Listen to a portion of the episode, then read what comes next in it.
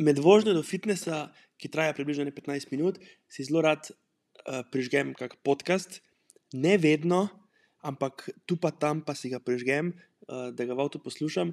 In lih prejšnji teden sem poslušal en full dober podcast, intervju, epizodo z enim od soustanoviteljev največje, jaz mislim, da največje slovenske direct-to-consumer firme, pomeni podjetja, ki prodaja direct-to-consumer. Ta firma je do danes prodala za nekaj 100 milijonov evrov izdelkov, zato sem ta intervju še toliko bolj zauzeto poslušal. Je pa me dokaj presenetila napoved tega soustanovitelja o prihodnosti marketinških agencij in o tem, zakaj jim na nek način napoveduje izumrtje. Tudi o tej temi bi rad spregovoril v tej epizodi.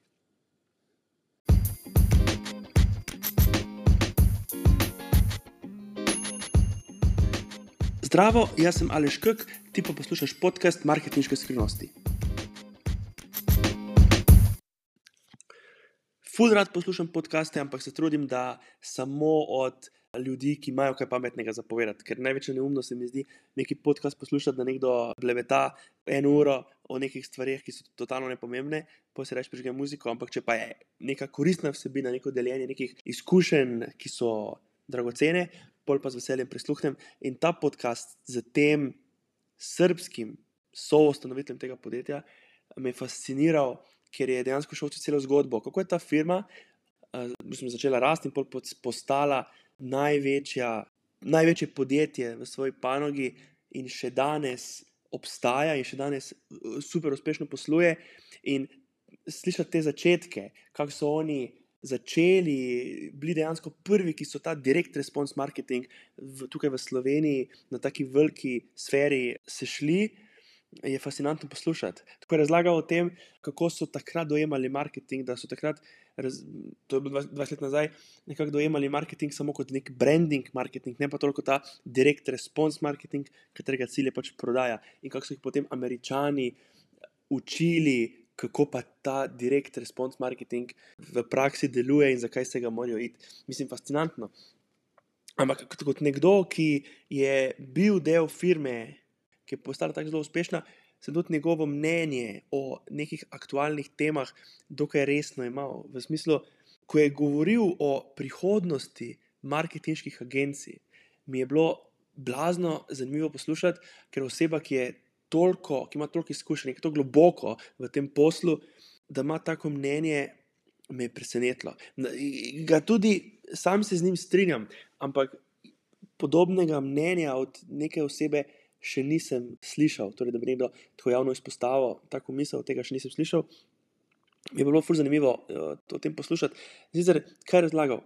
Razlagal je o tem, da pred 20 leti, ko se je ta nekakšen marketing na tem delu Evrope, recimo, pa rečemo v Sloveniji konkretno, ko se je začelo vlagati marketing, je bilo govora o manj teh nekih prodajnih kanalih, to so bili vem, billboardi in tako naprej. In so marketinške agencije bile full koristne, zato ker, si, ker je firma lahko outsourcala ta marketinško, neko marketinško delo, tudi pridobila na produktivnosti, ker ta agencija je nekako točno vedela, kako te billboarde delati. In niso se rabili interno s tem ukvarjati. Zdaj, z rastjo, s povišanjem teh prodajnih kanalov, ko imamo na internetu, recimo milijon enih možnosti, odkje dobiti trafik, pa odkje dobiti torej, tudi neke prodaje, in tako naprej, je pa se ta situacija malo obrnila. In ful mi je bilo zanimivo v tem intervjuju o tem poslušati, kako torej, ta sogovornik razlaga, da on nekako napoveduje, da bodo te neke marketinške agencije. Seveda, s par izjemami, tiste branding, uh, marketinške agencije so neka izjema, ali pa kakšne take, uh, pa se ne vem, kaj da še kot primer. Ampak, v glavnem, za veliko večino njih no, je rekel, da jih on pričakuje neko izumrtje te panoge. In je bilo fascinantno to slišati, ker še danes, kaj pa vem, meni se zdi, da so marketinške agencije. Pa zdaj ne govorim za tista velika podjetja, ker s temi nimam izkušenj. Imam izkušnje z, torej, vem, kako razmišljajo te manjša, do srednja podjetja. ker jih pač sem se imel srečo, da sem se imel možnost pogovarjati z toliko lastniki in direktori, in nekako vidim, kako razmišljajo. Radi bi, radi bi outsourcali, eni bi radi outsourcali delo, ne, da se ne rabijo s tem ukvarjati, eh, torej da prihranijo na času, da ne rabijo zaposlovati ljudi. Drugi pa bi radi outsourcali marketing, zato ker tako globoko verjamejo v to, da je marketinška agencija pač ekstremni specialist in da imajo znanje, ki ga pač sicer ne morejo dobiti. In to je vse v redu. Ampak težava se pojavi v tem, v dosti primerih, nikakor ne v vseh primerih, imaš recimo, poznam primere, kjer je to sodelovanje vrhunsko poteka. In je idealno to partnerstvo med agencijo in podjetjem. Ampak imel sem pa priložnost videti na lastne oči tudi ogromno primerov, ko se pač tako sodelovanje ne izide. Enostavno se ne izide, enostavno rezultat po koncu nekaj mesečnega sodelovanja pač ni tako, kot bi moral biti. In potem agencija krivi podjetje, pod, torej naročnika, naročnik krivi agencijo, da je pač premalo dobra, premalo sposobna. Ampak težav je več. Prva stvar, ki jo vidim, ne, in tudi ta sogovornik, jo je tako, tako izpostavil, je ta, da agencija ne more točno vedeti, kaj se v tej panogi dogaja. Kaj se dogaja v panogi, v kateri je naročnik agencija ne more vedeti. Ne more svoj, torej, resursov, kadra, ne, ne more kadru nameniti toliko ur in ur in ur časa za research. Ne more mu dati teh informacij, ki jih imaš, recimo ti, kot direktor firme, kot lastnik iz te tvoje panoge. Ne, ti, ti, ko si strokovnjak v svoji panogi, ti veš, ti v tej panogi moče posluješ 10-20 let, in agencija, ki pa prevzame, recimo, dva meseca nazaj, vodenje marketinga za tvojo firmo, ne more v teh, teh dveh mesecih dobiti vseh informacij o tvoji ciljni publiki, o problemih ciljne publike, o razmišljanju ciljne publike, o tistih skritih problemih, ne, o tistih, tistih skritih željah, kaj si v resnici želijo, in tako naprej. Res, da imamo Google, pa forume in to, ampak ni isto. Ni isto, ker na koncu je ta, če hočeš marketing, danes, ko se vsi stroški oglaševanja višajo, če hočeš cel marketing voditi profitabilno, pa dolgoročno profitabilno, pa če želiš tudi mogoče kratkoročno profitabilno, je pač treba imeti vse elemente nekako postavljene, vse kocke postavljene pravilno. In to je pač težko, če ti ne razumeš tako pota, do potankosti svoje ciljne publike. In to je pač, to je veliki problem. Kot rečeno, ponekod štima vrhunsko. Če je kakšna panoga, kjer ni tako zahtevna ta ciljna publika, ni to razumevanje tako zahtevno, bolj, bolj to štima, en, dva, tri. Če imaš pa podjetje, kjer je ciljna publika malenkost bolj specifična, potem pa se rado, radi pojavljajo pač problemi. In zato je v tem primeru nekako pametno razmišljati o tem, da se marketing prevzame in-house. Tudi ta sogovornik v tem konkretnem podkastu, torej podcast epizodi, je rekel, da on osebno ne vidi prihodnosti marketinških agencij v takšnem svetu, v kakšnem smo in kakšen se bo še naprej razvijal, ampak je edina rešitev pač ta in-house eh, marketing. Vem, da tega marsikdo noče slišati. Pač in se tudi nekako razumem razmišljanje tistih, ki imajo agencijo in da tega ne želijo slišati, ker je to neko tako kontroverzno razmišljanje. Ne? Ampak kot rečeno, videl sem preveč neuspešnih primerov. Pa to ne pomeni, da in-house marketing ne more biti neuspešen. Je absolutno lahko. Imel sem primer, tri leta nazaj sem prišel v stik z firmo, ki je imela lih v tistem trenutku hud, hud konflikt z svojim direktorjem marketinga. Pojni, z interno vodjo eh, marketinga je imela hud spor, ki se je pol še bolj zapletel in ne vem, ali se rešil, ali se ni. Vem, vedno so lahko problemi, to ne pravim, da je in-house marketing eh, pač vedno boljši. Je pa pač precej težja odločitev, kot pa samo najamemo agencijo, oni bojo v roku treh mesecev pošiljali marketing, mi bomo šli na plažo, oni, bo, oni bojo pa nam profit prinašali vsak mesec. Ne, ni tako simpel. Pa še ena težava je, druga, malenkost bolj specifična. Ko imaš ti marketinško agencijo, ki jo najameš, če želiš eno stvar, recimo, zagnati, je ta time delay precej večji, kot če je marketinška ekipa tvoja in-house. ker v marketinški agenciji je pač več naročnikov, eni naročniki so prioritetni, drugi so pač manj pomembni. In če imaš smolo, da si manj pomemben, bo pač tvoj projekt oziroma tvoja želja pač malenkost niže na seznamu, kar pomeni, da bo, da bo trajalo malo več časa, preden, jo, uh, preden je implementirana. Kar sicer ni za konc sveta, je pa pač en minus, mogoče še najmanjši minus med vsemi. Ampak tista glavna težava, pa to sem že v eni od prejšnjih epizod ali pa celo več epizod že omenil, največja težava, ko pa najemaš marketinško agencijo, pa je ta, če si manjši naročnik in si ne moreš privoščiti dosti denarja, da najameš marketinško agencijo. Takrat si pa v najslabšem položaju, zato ker ko najameš marketinško agencijo za malo denarja, s tem dobiš dvoje. Dobiš najprej torej dve možnosti. Sta. Prva možnost je ta, da recimo da plačaš nekoga 500 evrov na mesec, je iz roko na srce, ne? če nekoga plačaš 500 evrov na mesec, ne moreš pričakovati, da je to nek vrhunski marketer. Zato ker nekdo, ki je vrhunski, ki ima portfolio, ki, ki ima toliko pa toliko izkušenj, ne bo za 500 evrov, razen če si moj dober kolega, ti ne bo za 500 evrov urejal, torej skrbel za tvoj marketing, ker preveč ceni svoj čas. Če pa ti vzame že teh 500 evrov, pa recimo, da je vrhunski, kar se tudi lahko zgodi, pa pač ne bo toliko, toliko časa porabo za tebe. Kar se znamo zgoditi, da pol pomeni, vloži premalo časa, slabši rezultati. Drugi scenarij je pa ta, da če najameš nekoga, ki pač ni dovolj še dober, je pa ta, da pač ne moreš pričakovati končnih rezultatov za, za ta denar. Pa še nekaj. Ne? Recimo, da najameš nekoga, ki zdaj recimo, še ni dober, ampak s časoma postaja vedno boljši. Tvoja firma je pa taka, da se lahko več čas, torej da, danes in čez dve leti, si ne boš mogel privoščiti, recimo, full več, ali pa si lahko privoščiti, ne vem, iz 500 na 1000 evrov. Pomaž tudi to težavo, ker če ta, ki skrbi za tvoj marketing, ali freelancer ali agencija, v teh letih postane boljša, da na mesto 500 evrov želi računati 3 ure. To pa pomeni, da se zna zgoditi, da, oziroma to pa pomeni to, da tisti marketer, ki postaja vedno boljši, bo nekako lahko za svoje storitve računal tudi, tudi več denarja. In ko računa več denarja, privlači nove stranke, ki mu plačajo več in katerim namenja še več pozornosti.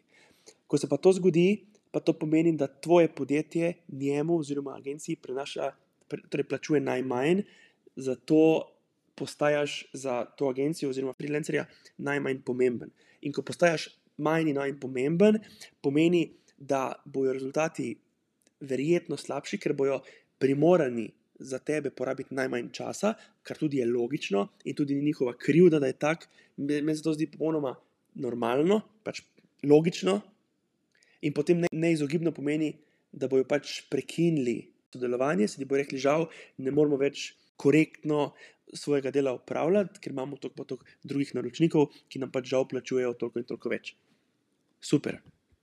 Dobene zamere, hvala Bogu. Težava pa je ta, da potem, ko se to zgodi, si ti brez agencije, ti sam pa nimaš pojma, kako voditi marketing. In pol imaš ful veliko težavo, zato ker kaj pa zdaj narediti? Spet iskati agencijo, ki mi bo delala marketing za 500 ali pa 700 evrov. To lahko traja ful časa, da jih najdem, pol traja čas, da se oni uvedejo, pa da me spoznajo mojo firmo, pa da vidijo, kaj deluje. Ali pa da se naj sam začnem učiti, kar bo tudi trajalo 3-6 mesecev prej to pa to znanje dobiš, da lahko nekako korektno vodiš svoj marketing. To, da imaš dejansko si minus, minus, Nima, nisi v dobri poziciji. In spet, to je en razlog, zaradi katerega se mi zdi, da je ta in-house marketing, marketing ekipa, da je to ena rešitev, s katero lahko te nekako uvire premagaš. Idealni scenarij je pač ta, da oziroma bi bil, da plačaš marketinško agencijo, da ti postavijo sisteme, ne, po njih plačuješ 3 do 6 mesecev, in se nekako namerno se zavedaš, da jih plač, boš plačeval 3 do 6 mesecev, to, da ti postavijo sisteme, in potem sproti začneš razvijati, oziroma skrbiš za to, da lahko nekako interno poskrbiš za, za svoj marketing. Ker ne na zadnje, marketing je prepomemben, da bi ga zaupal, ker slepo zaupal zunanjim izvajalcem. To, to se meni osebno zdi. Pa vem, da je zelo kontroverzno, pa da se marsikdo s tem ne strinja, ampak jaz enostavno tako, enostavno tako vidim. Prepomemben je, ker je od, odločilen, razen ta word of mouth, pa referrals, za, za vse druge kanale, trafika, pa prodaje je odločilen marketing za pridobivanje novih kupcev in tudi za to, da se iz obstoječih kupcev izvleče največ, da se jih spet povabi, da, da kupujejo. Evo konkreten primer, ki sem se ga spomnil. Pri enem od podjetij, s katerim sodelujem, kot zunanja neka prodajna ekipa prodaja preko telefona. Pomeni pro, telefon, kako se temu reče, ampak podjetje kot neka. Torej, ja, neko prodajno podjetje, ki eh, ima bazo kontaktov, torej bazo kupcev tega podjetja, in jih vsake toliko pokliče po telefonu in jim ponudi neke produkte po neki ali znižani ceni, ali kako že je, niti ne vem. In v teoriji to zgleda ful dobro. Super je, ne pomeni, mi se ne rabimo ukvarjati z tem, outsourcamo to zunanjem. Bo ta že zunanja ekipa poklicala enkrat na mesec, kaj pa jaz vem, plačamo jih na provizijo, pomeni, oni prodajo 30 tisoč evrov, mi jim plačamo nek procent, zgubiti nimamo nič. To je, to je, to je idealno partnerstvo, ne? tako si mislijo. Ampak grozno velika težava je, ko začneš ugotavljati, kaj se dejansko dogaja v praksi, kako se počutijo stranke in tako naprej. Ko ti nekomu zunanjemu zaupaš, da dela z tvojimi kontakti z tvojimi kupci, ker drugo so kontakti, ki niso kupci. To so super koristni, niso pa zdaj neprecenljivi. Ampak baza tvojih kupcev je pa absolutno, absolutno sveta, zato ker to so tisti, za katere je največja šansa, da bodo ponovno kupili od tebe, in to so tisti, ki bodo najverjetneje priporočili tvoje podjetje naprej. Ne? In s temi kupci se ni za zabavati. In pri tem konkretni firmi sem nekako videl na lastne oči, da so se kupci, govorimo o kupcih, ne o nekih kontaktih, o kup, da so se kupci na veliko pritoževali, ker ta, to podjetje, ki jih je klicarlo, je bilo in nesramno, in zavajojoče, vsiljivo, in tako naprej.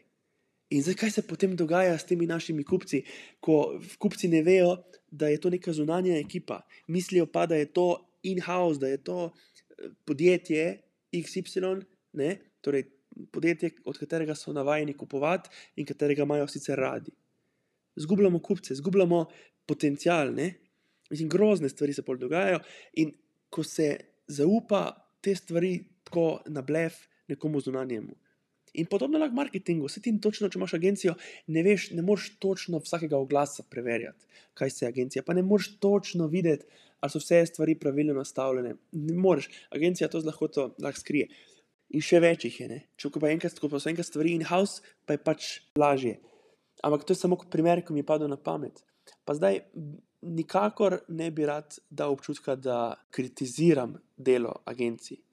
Nikakor ne jih je v Sloveniji, kljub temu, da smo mali, imamo en kup res dobrih agencij, res dobrih, vrhunskih agencij, pa tudi vrhunskih strokovnjakov, od katerih se z velikim veseljem uh, učim, kljub temu, da so torej smo v mali Sloveniji, imamo dobre strokovnjake, ampak je pa pač žal tak, da za malo do srednje podjetje, pa pač dosti krat ni ravno pametno, oziroma po mojih izkušnjah, po mojih izkušnjah se marketinška agencija ni najboljše odnesla. Sem namerno povedal za male in srednje, zato ker opravka, iskreno rečeno, z velikimi podjetji pa nimam. Tam, kar se tam dogaja v praksi, ne vem, zato, zato tudi nočem nekaj špekulirati, pa ugibati, ker bi bilo čisto brez veze, pa čisto nenatančno. Tako da, ja, to je to. Zanimiva epizoda je ta bila, res. Uh, v naslednji epizodi pa že vem, o čem bom govoril, o eni zelo zanimivi temi. In sicer ta branding versus direct response. Ker se mi je zgodilo, da sem imel en pogovor z torej, direktorjem ene, ene firme, ki je imel težave ampak je nekaj se pogovarjali, povedal sem mu nekako, kaj bi bilo treba narediti, pa mi je polno čez čas mi je sporočil, da je našo in ti v naslednji epizodi povem točno, kaj, kaj se je dogajalo in zakaj mislim, da to je ena velika napaka, ki jo lahko uh, naredi za svojo firmo. Tudi, ja, to je to. Hvala za, za pozornost. Vabim te, da se, da se subskrbiš in pa se poslušava v naslednji epizodi.